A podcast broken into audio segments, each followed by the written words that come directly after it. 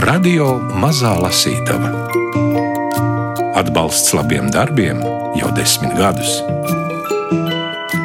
Borisa un Ināras Tetereva fonds. Kad iznāca īkšķojot pa Latviju, un tas ir 82. gads Zviedrijā, tad bija kaut kādām iecerēm pielikts tā kā zīme, ka tas ir darīts.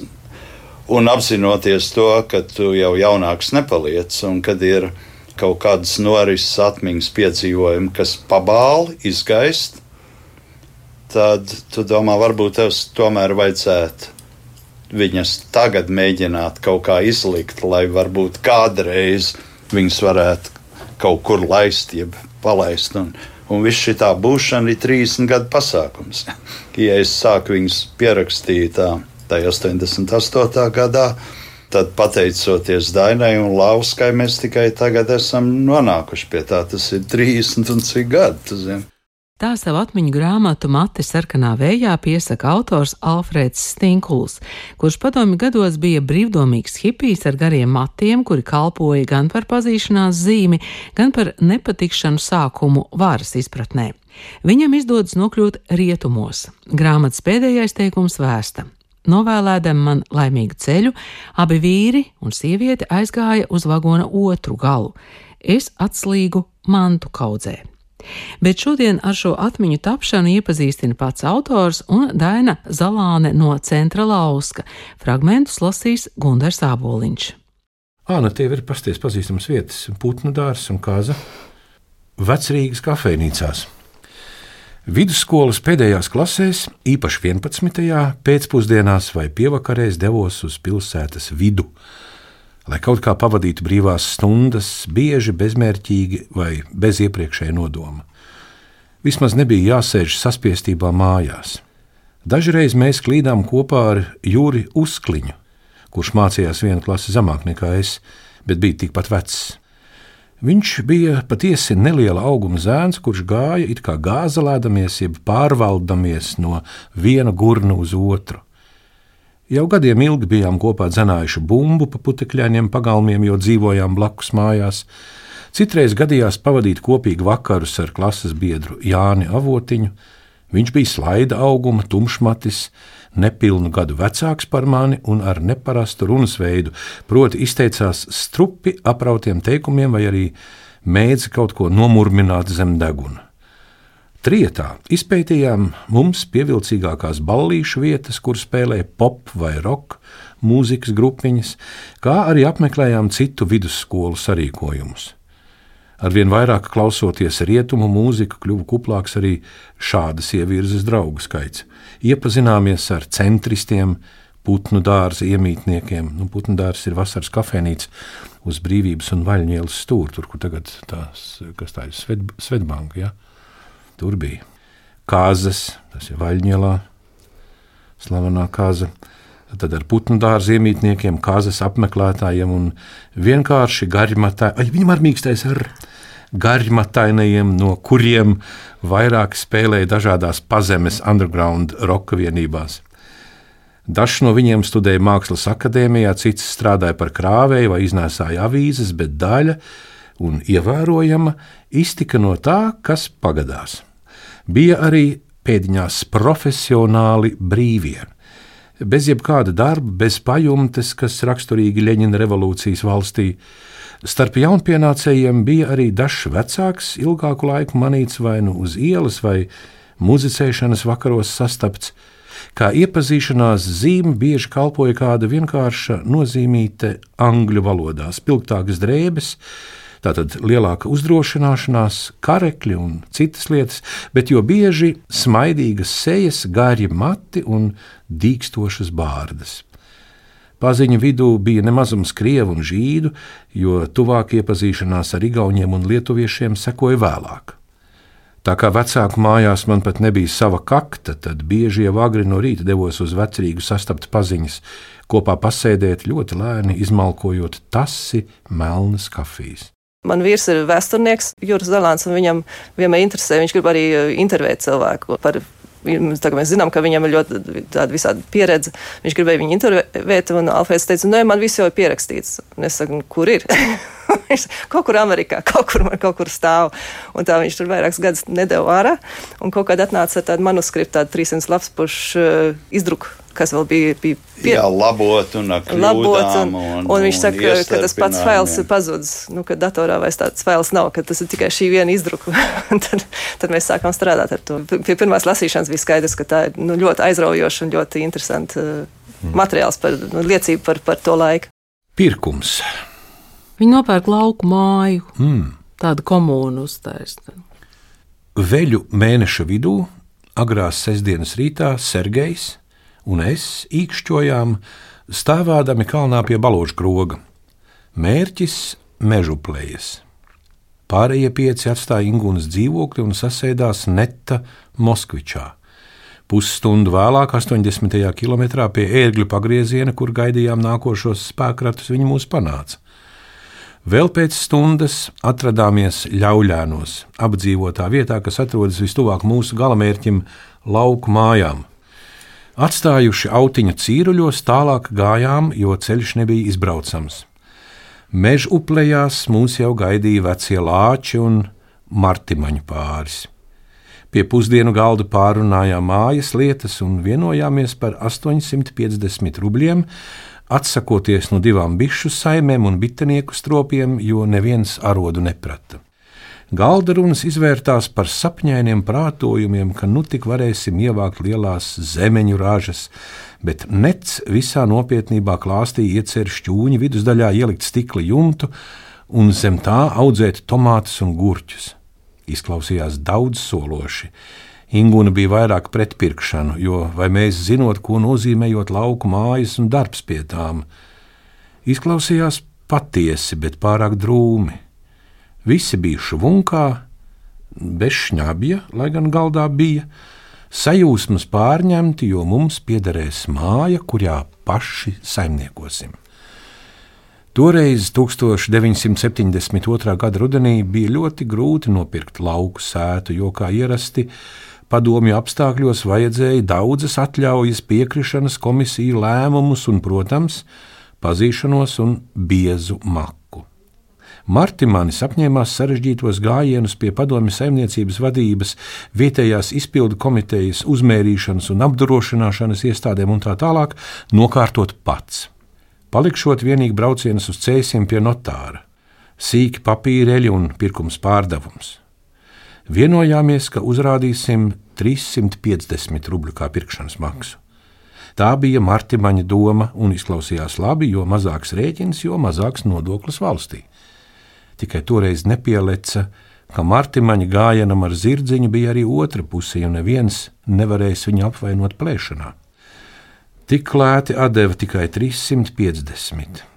Nodokli vajadzēja maksāt no saimniecības ēku kopējās apdrošināšanas vērtības, kas sasniedz gandrīz 1600 rubļu. Bet lainu. Salnas mēneša 21. dienā nokārtojām mājas pārrakstīšanu un maksājumus. Turpmāk Cēsu rajona Skujenes, tagad meža uplejas atrodas Skujenes ciemu pāraudzībā. Nu, šobrīd tā reforma vēl nāks, tad diezin kurā būs. Tātad turpmāk cēlās rajonas Kujenes ciema mežuplējas piederēja Sarmītei, Valdai un Alfrēdam. Vienādas daļas, vienādas tiesības. Trim tādēļ, ka vairāk līdzīpašnieku nevarēja būt un katrs no mums pārstāvēja vienu pāri, bet Valdis, kā vieninieks, nevēlējās, lai viņam kaut kas piederētu, tādēļ, ka īpašums jau bija garciemā uz viņa vārda nu, - tēva vasaras māja. Lūk, lūk, pašā veļu laikā mēs kļuvām par saimniekiem ne jau gluži tādiem, kā to saprot brīvās un neatkarīgās valstīs, bet tomēr ēkas mums piederēja kopā ar 0,015 hektāriem zemes, uz kuras atradās dzīvojamā māja. Tātad pāris metru uz katru debesu pusi no mājas sienām. Apskatot šo jautājumu no likuma, jeb juridiskā viedokļa, Padomju Savienībā visa zeme pieder valstī pat sešas pēdas zem zemes, kas Dzīvē nozīmē tikai to, ka tev nekas ārpus mājas sienām nepieder, un to pašu nieku, ko valsts iedod lietošanā, var jebkurā brīdī atņemt, neprasot otras puses piekrišanu. To var saukt par laupīšanu, atsavināšanu, vai vēl citādāk, bet būtība tas nemaina. Sovhoza tas ir padomju saimniecības vadība žēlīgi atļāva lietot arī pushektāru zemes, kas atradās iežogota pie mūsu mājas. Tāpat aizaugs krūmiem, jo Padlatvijas lielās saimniecības ir labi apguvušas jaunu lauksaimniecības nozari - krūmu audzēšanu. Skan varani un iespaidīgi krūmu un dubļainu ceļu lielvara. Vecie lāči vēl varēja dzīvot mežu plējās visu ziemu, tā bijām vienojušies, bet kā apstiprinot nevēlēšanos atstāt laukus un pārvietoties uz Rīgu, mīra lāču saimnieks, kuru abedīs Kujenas kapsētā Smiltainē. Līdz ar to saimniece viena vairs negribēja palikt laukos un pārvācās pie bērniem uz meža parku. Tā kā Ingūna strādāja jaunatnes teātrī, bet es biju bezdarbniekos, tāpat kā Sergejs, mēs bijām pirmie, kas aizbrauca jau kā saimnieki uz laukiem, kur sastapām drēgnumu, netīrību, daudz peļu un žurku, jo tās jutās kā īstās mājas saimnieces. Mūsu lauku ikdiena iesākās meklējot pa visu māju grauzē radītos caurumus, tīrot, mazgājot un ļoti vienkārši labiekārtojot, jo martimaņi tomēr bija gandrīz visu paņēmuši līdzi. Pagāja laiks, kamēr apguvām vajadzīgās ikdienā nepieciešamās iemaņas, vispirms jau pareizi kurināt plīti un krāsni, izveidot dienas ritumu un tā tālāk. Iecerētās nedēļas vietā palikām tikai četras dienas, jo jutāmies starp žurkām nepārāk ērti. Bijām mēģinājuši ar mājām iepazīties, neuzreiz tas izdevās, bet, kad draudzība bija noslēgta, tad patiesa, sirsnīga ar atdevi. Iesākās jauns posms manā dzīvē. Daļēji Sardievas pilsētai vajadzēja sameklēt tādu darbu, lai varētu visu apvienot, proti, strādāt vairākas dienas vai nedēļas no vietas, bet pēc tam būt brīvam vismaz uz vairākām dienām, lai varētu aizbraukt uz meža uplējām un tur kaut ko iesākt. Citas iespējas nesaskatīju, jo tikai divas brīvās nedēļas nogales dienas ir par īsu, lai saimniekotu laukos, kas atradās 115 km no mūsu pilsētas mitekļiem. Turp nokļūt vien prasīja pusi dienas, un atlika viens vakars, nakts un rīts. Bet māja bija liela, nolaista. Te bija sava roka jāpieliek, lai lielais darbs uz priekšu tiek. Joprojām ir lietas, ko tu nekā nevari pieņemt. Bet tai pašā laikā mēs nevaram tik teikt, ka, ka viss ir slikti, un tur redz, ka viss baigi iet uz priekšu. Ja? Un tur brēc, ka Latvija ir slikta, un, bet un Latvija nav slikta. Katrs pats ir slikts, ja, ja viņam viss kas nepatīk. Tā kā Latvija iet platiem soļiem uz priekšu, viss, kas baigi skaisti mainās. Nu, mainās ļoti jauki. Cerams, ka no austrumiem nenāks atkal te. Skolotājs. Pieaugot zinātnē par Latvijas vēsturi, nesen pārdzīvoto un šķiet jau daļai nozaudēto kultūru, atsevišķiem notikumiem un cilvēkiem pieauga to grāmatu skaits manā grāmatplauktā, kuras varētu nosaukt par vecām, un patiesi vajadzēja darināt jaunas grāmatplauktas. Vecāku mājas 1971. gadā atstāju ar pāris grāmatām padusē, bet tagad to bija saradies vairāki simti. Kā tās nokļuva pie manis? Hmm, kas meklē, tas atrod. Šis teiciens ļoti tieši attiecināms uz Latvijas laika grāmatu iegūšanu, un ne tikai. Daudzi cara laiku izdevumi bija noderīgi, lai neteiktu vairāk vērtīgi, jo pratu lasīt vecajā drukā. Iepazīstoties ar jauniem domu biedriem, galvenokārt ar vecākās paudzes pārstāvjiem, dažreiz saņēmu dāvanas, vērtīgas grāmatas kā garīgo mantojumu savai paudzei. Šie ļaudis, kas bija piedzīvojuši pat divus karus, bēguļošanu un citas nedēļas, labprāt vēlējās aizliegt to iespiesto vārdu, nodot drošās rokās, jo viņiem šķita, ka man tādas ir. Kādreiz ļaudis vienkārši pārdeva grāmatas. Viņu vidū bija nemazums tādu, kurus pārdodamā lasām viela nesaistīja.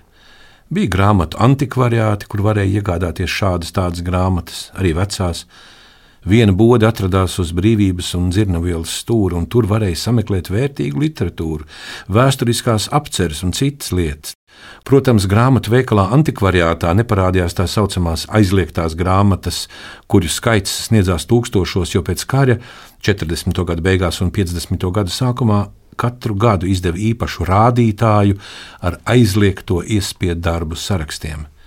Skaidrs tos papildināja gadu no gada, pat 80. gados, bieži vien tādēļ, ka kāds rakstnieks, kurš šo to bija uzrakstījis un ko Glavļits, tā ir galvenā grāmatu izdošanas pārvalde PSRS laikā, ko Glavļits bija atļāvies iespiest, nogrākojās, un viņa grāmatas veikli un klusi nozuda no veikalu plauktiem, neskatoties uz to, ka bieži šie sacerējumi nebija pat graša vērti. Savādi bija vērot, ka dažu uz antikvariātu atnesto aizliegto augli atstūma atpakaļ. Citreiz pieņēmējs paslepus papētīja no galda apakšas izvilkto aizliegto sarakstu un skanēja ierastais nē. Atnesējam nekas cits neatlika, kā ātri laisties lapās, kamēr viņa persona vēl nav ieinteresējusi stūrenes kundziņus. No atmiņas neizdzēšamie mirkļi, kad grāmatai par Kronvaldu vai pumpuru kurai bija ap 40 lapušu ar tautiskas ievirzes ievadu un Latvijas valsts vīru fotografijām un uzrunām, izplēsa šīs padomu iekārtai tik bīstamās un kaitīgās 40 lapuses, un pāri palikušo nekautrējoties pārdeva par strādnieka vienas dienas algu. Nekad nebija dabūjami pilni Annas brigadieres kopotie raksti, jo pāris sējumi skaitījās ļauni un kaitīgi. Neparasti tukša izskatījās vēstures nodaļa, jo tur varēja sameklēt tikai cara laika izdevumus krievu un vācu valodā. Nedaudz brīvāka un pievilcīgāka aina bija vērojama otrā grāmatā antikvariātā, kas atradās Tērbats ielā. Pirmkārt, acīm skatāmi, jo te spīdēja rietumu mākslas grāmatas, podrie vāki un spilgtās, tik neierasti košās krāsas un svešās valodas. Ak, ko nozīmē sameklēt plauktā kādu 20. vai 30. gadu mākslinieku monogrāfiju, Latviju rakstus, trīs sējumi audeklu vākos ar vara plāksnīti priekšā vai citus etnogrāfiskus izdevumus. Piestaigājot pāris reizes nedēļā, izdevās sameklēt un nopirkt vērtīgus iespiedu darbus. Grāmatas nebija lētas, piemēram, Jāņa Poruka kopoto rakstu sējumus maksāja 3 līdz 4,5 rubļus, bet trīs grezni pasaules vēstures sējumi no 45 līdz 60 rubļiem. Nopirku profesora Pētera Šmita redakcijā izdotās Latviju Dainas. 11 sējumos pilns klāsts ir 12 sējumi, jo nerātnās dainas antikvariātā nepieņēma. Prieks bija dārgs, viena mēneša darba alga. Daži grāmatnieki un, diemžēl, arī spekulanti sadūšojās un sāka pulcēties katru svētdienas rītu. Vispirms biķernieku, vēlāk beberbeķu mežā, lai apmainītos vecām grāmatām, tās pārdotu vai pirktu. Tuvāk iepazīšanās ar grāmatniekiem nebija nekas cits kā jauns grāmatu iegādes avots, bet padārgs. Grāmatas ne tikai pirku, bet arī cītīgi lasīju, jo nakts dežūras brīvdabas muzejā bija ļoti piemērotas tādai nodarbei. Daudzas grāmatas bija vājos, neizturīgos sējumos, bieži plānos, mīkstos vākos vai cietušas no mitruma, pārāk daudz ceļojušas no rokas rokā un tā tālāk. Bēdājos par šiem irstošajiem sējumiem un palēnām nonācu pie apziņas, vēlāk apņēmības, ka jāmeklē iespēja grāmatas iesiet. Tā izrādījās gandrīz neiespējama lieta. Pirmkārt, tādēļ, ka nebija daudz grāmatsējēju, otrkārt, ja bija, tad strādāja valsts pārraudzītās sietuvēs, kur nelabprāt pieņēma vecās grāmatas. Biju dzirdējis par vecāku vīru, kurš paklusām iesien mājās, un to dara vienīgi šauram, uzticamu paziņu lokam. Par to man stāstīja arī Norberts, parādīdams skaisti un gaumīgi iesietas grāmatas. Protams, tikai vecās, jo es neatradu jaunas, labas un derīgas grāmatas, kuras būtu vērts iesiet. Lūdzu, lai parunā ar šo grāmatu sējēju X, vai nevarētu šo to arī man iesiet. Vienlaicīgi izteicu arī apņēmību mācīties iesiet grāmatas, ja rastos tāda iespēja. Varbūt laime bija manā bārdā, varbūt sagadīšanās, varbūt grāmatsējēja godīgums, bet pēc otrās tikšanās viņš bija ar mieru atnākt pie mums, tas ir Ingūnas dzīvoklī, un parādīt vienkāršākos iesiešanas paņēmienus. vīru ar sirmo galvu, acenēm un neparastu malēniešu izloksni, turpmāk saukšu par skolotāju. Te ar lielo burtu rakstīts. Šķiet, manā bārdā bija kaut kas no vidzemes augstienes, ļaudonas pakalniem, viņa tēva, viņa bērnības un jaunības. Varbūt kādreiz es tajā atvedu dūmu smaržu no vārāmā namiņa, slieteņa, lauku virtuves, varbūt bija iespējams, ka tā bija vēl to laiku cilvēku uzticēšanās, godīgums un neviltotā vēlēšanās nodot savu aroda prasmi jaunajai paudzei. Tik ilgi, kamēr pastāvēs jauno vēlēšanās tādus saņemt, un veco spēju tādu nodot, būs tautai drošākais pamats zem kājām. Nu, šo rindiņu vajadzētu pasvītrot. Alfrēda Stinkula mati sarkanā vējā izdevusi Lauska, un vēlreiz vārds izdevējai Dainai Zalānei, kura uzaugusi Vācijā. Protams, tas ir ļoti romantiski. Eh, arī tās idejas, kas, kas bija tas, tas eh, puķu eh, paudze un, un, un viss tā, tā, tā kustība bija ārkārtīgi romantiska, protams. Un man ļoti patika skatīties bildes, klausīties to mūziku arī, un, un kad es par to uzzināju, visu man mamma arī tajā laikā bija, reiz Amerikā bijusi, un viņa, viņa tur vienmēr atcerās tur kā viņi tur sēdējusi uz jumta ar kaut kādiem dziniekiem. Un, un, jā, jā, bet puķiem. Latvijā nekāda sapņainība nebija. Protams, La Latvija, eh, man skatoties tās fotogrāfijas un lasot, man eh, tas eh, ārkārtīgi no aizkustina vienkārši, kā var ar tik lielu, nu, tomēr pārliecību un nepakļaušanos dzīvot. Un, un es, es vispār domāju, ka nu, zinot, pats es neesmu dzīvojis padomju savienībā, bet kā, kā visi te nav sajukuši prātā, ka cilvēki, kas vienkārši zina, ka tas nekad nebeigsies, jo toreiz 70. un 80. nebija, nebija tāda nojausma, ka varētu tas kādreiz beigties. Bezcerīgi. Piln, pilnīgs bezcerīgs. Nekāda. Kā, kā, tiešām kaut kāds. Un tad mēģināt tomēr ieturēt savu pārliecību, klausīties savu mūziku un izskatīties tā, kā tu gribi, un par to tev vajā. Tas vienkārši nu, neaptverami. Es domāju, tāpēc arī šī grāmata ļoti svarīga, lai mūsdienu cilvēki aptvert, cik lielā brīvībā mēs šobrīd dzīvojam. Tagad visi uztraucās, ka viņiem tur kaut kāda maska jāuzliek uh, busā, bet ta, tas nav nekāds ierobežojums salīdzinoši ar to, ar ko ir. Uh, pie tam tas ir pašu, pašu un citu labumam, nu, bet toreiz uh, tev par to, ka tev nebija pareizās bikses kājās vai, vai, vai tev bija gara mats, tev, tev vienkārši sabojāja visu dzīvi. Radio Mazā Lasītava Atbalsts labiem darbiem jau desmit gadus. Borisa un Ināras Teterevu fonds.